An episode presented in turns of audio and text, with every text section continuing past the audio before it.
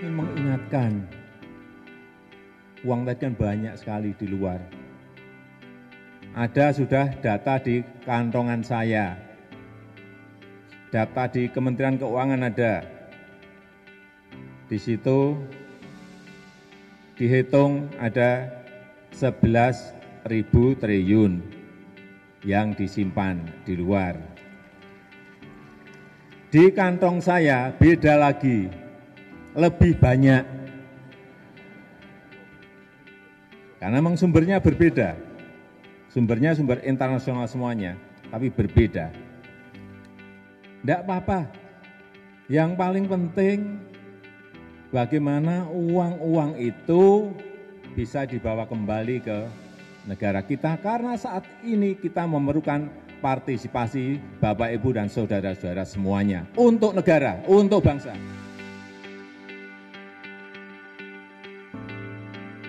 Mungkin topik masalah uang 11 ribu triliun rupiah ini adalah masalah yang paling sering saya bahas. Berkali-kali. Bahkan di timeline ini adalah yang kedua kali saya membahas benarkah ada dana 11 ribu triliun rupiah punya kita di luar negeri? Kalau dibilang dana 11 ribu triliun rupiah itu punya kita, punya negara Indonesia, itu jelas pengertian yang salah. Karena kalau begitu berarti ada harta negara yang nyangkut di bank-bank di luar negeri. Tapi kalau dibilang bahwa dana 11 ribu triliun rupiah itu milik warga negara Indonesia yang cari uang di Indonesia, yang usaha di Indonesia, bahkan korupsi juga di Indonesia dan nyimpennya di bank luar negeri, nah itu baru benar. Makanya Pak Jokowi bilang pada waktu itu, banyak sekali uang milik orang Indonesia di luar negeri. Data orangnya ada di kantong saya. Di Kementerian Keuangan, di situ dihitung juga ada 11 ribu triliun rupiah yang tersimpan di luar negeri. Jadi catat ya, yang dimaksud dengan 11 ribu triliun rupiah itu adalah uangnya orang-orang Indonesia yang mereka simpan di luar negeri. Bukan uang pemerintah Indonesia di luar negeri. Sampai di sini jelaskan. Masalah banyaknya uang WNI yang disimpan di luar negeri ini juga pernah diakui oleh Prabowo Subianto waktu kampanye jadi calon presiden. Bahkan Pak Prabowo lebih detail dia bilang kalau jumlah uang di seluruh bank di Indonesia ini totalnya ada 5.400 triliun rupiah. Sedangkan yang di luar negeri itu jauh lebih besar, yaitu 11.000 triliun rupiah. Jadi masalah banyaknya uang yang disimpan di luar negeri itu sama sekali bukan hoax, bukan juga prank seperti yang disebut oleh para oposisi. Uang itu ada, punya orang-orang yang disimpan di sana. Datanya juga ada, siapa-siapa saja mereka. Nah, masalahnya adalah bagaimana bisa menarik uang mereka yang disimpan di luar negeri itu untuk balik ke negeri kita. Ini masalah yang berbeda. Ini sangat rumit dan teknis. Apalagi negara kita bukan negara diktator yang tinggal ngatur cungin senjata ke kepala orang yang simpan uangnya di luar negeri itu supaya mereka mau pulangkan uangnya ke sini. Memangnya bank-bank di luar negeri seperti di Swiss, di Cayman Island, di British Virgin Island, di Bermuda mau melepas uang yang tersimpan di negara mereka? Oh, gak semudah itu Ferguson. Kalau ditarik dana di bank mereka sebesar 2 triliun rupiah saja, bisa kolaps banknya mereka. Itulah kenapa di beberapa negara tempat menyimpan uang itu mereka memperlakukan tax haven atau surga pajak. Arti sederhananya tuh gini, berapapun uang yang disimpan di negara tax haven itu hanya akan dikenakan pajak yang sangat kecil Beda kalau uang itu ditaruh di negara seperti Indonesia misalnya. Pajaknya lumayan tinggi. Dan ini faktor uh, yang dihindari oleh mereka yang punya duit. Mereka nggak mau terlacak punya duit berapa di negaranya karena nanti mereka bisa kena pajak besar karena dianggap kaya raya.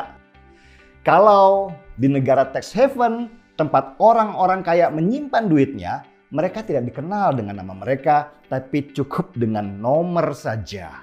Kerahasiaan pasti terjamin penuh. Karena itulah di masa pemerintahan Jokowi ini ia punya beban. Bagaimana caranya supaya uang orang-orang yang disimpan di luar negeri itu yang totalnya 11 ribu triliun rupiah itu bisa kembali ke bank di Indonesia. Dan gak mudah memang, itu seperti menemui tembok yang tebal sekali. Masing-masing punya kepentingan. Negara punya kepentingan untuk uang yang diperoleh dari hasil kerja di Indonesia kembali. Orang yang simpan dana punya kepentingan supaya mereka tidak kena pajak besar di negeri ini. Dan negara luar yang ditempati uang punya kepentingan juga supaya uang tetap tersimpan di negara mereka. Salah satu usaha pemerintah kita untuk kembalikan uang itu adalah dengan kerjasama dengan negara tempat uang itu disimpan. Dan baru satu saja negara yang mau diajak kerjasama, yaitu Swiss. Itu juga terbatas di uang hasil korupsi saja, bukan uang hasil usaha. Melobi Swiss itu pun butuh waktu yang sangat lama, sampai lima tahun. Baru mereka mau tanda tangan Mutual Legal Assistance atau perjanjian timbal balik pada waktu uh, bulan Februari tahun 2019. Itu baru perjanjian saja ya, belum realisasinya. Realisasinya tergantung dari kasus per kasus. Tetapi yang jelas kasus yang mendapat prioritas adalah uang hasil korupsi yang disimpan di bank-bank di Swiss.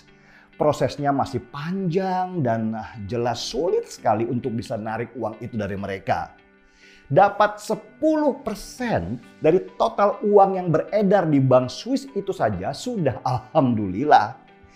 Itu juga pasti Swiss mintanya macam-macam sebagai imbal baliknya, termasuk ya mungkin politik.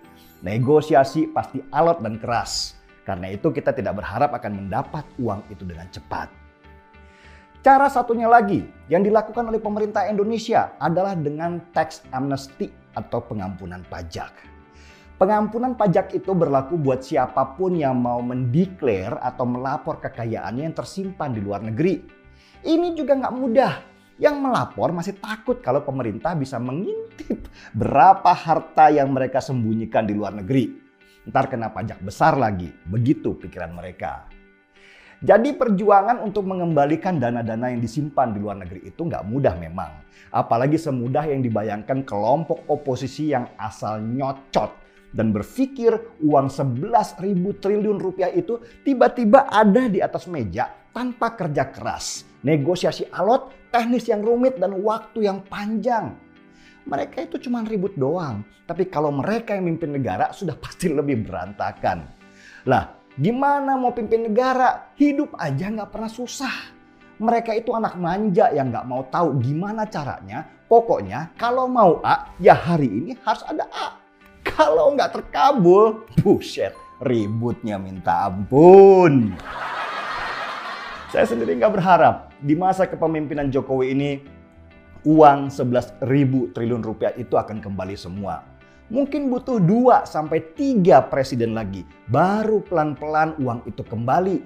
Itu saja kalau ada kejadian istimewa. Seperti misalnya kalau ada kerusuhan di Cayman Island, salah satu negara tax haven. Pastilah rame-rame yang punya uang akan pindahkan dananya ke negara yang lebih aman buat mereka tanpa diminta. Ah, jadi sudah mengerti kan bagaimana posisi uang 11 ribu triliun rupiah itu sekarang? Gak gampang kan? Memang enggak. Yang gampang itu ya bagaimana menyediakan kondom bergerigi ke salah seorang elit partai untuk mencontohkan kepada kita bagaimana cara penggunaannya sesuai dengan petunjuk yang sebenarnya. Seruput kopinya. Hmm. Mari dong, mari kita pakai corok ah. Saya Denny Siregar, kita di acara Timeline.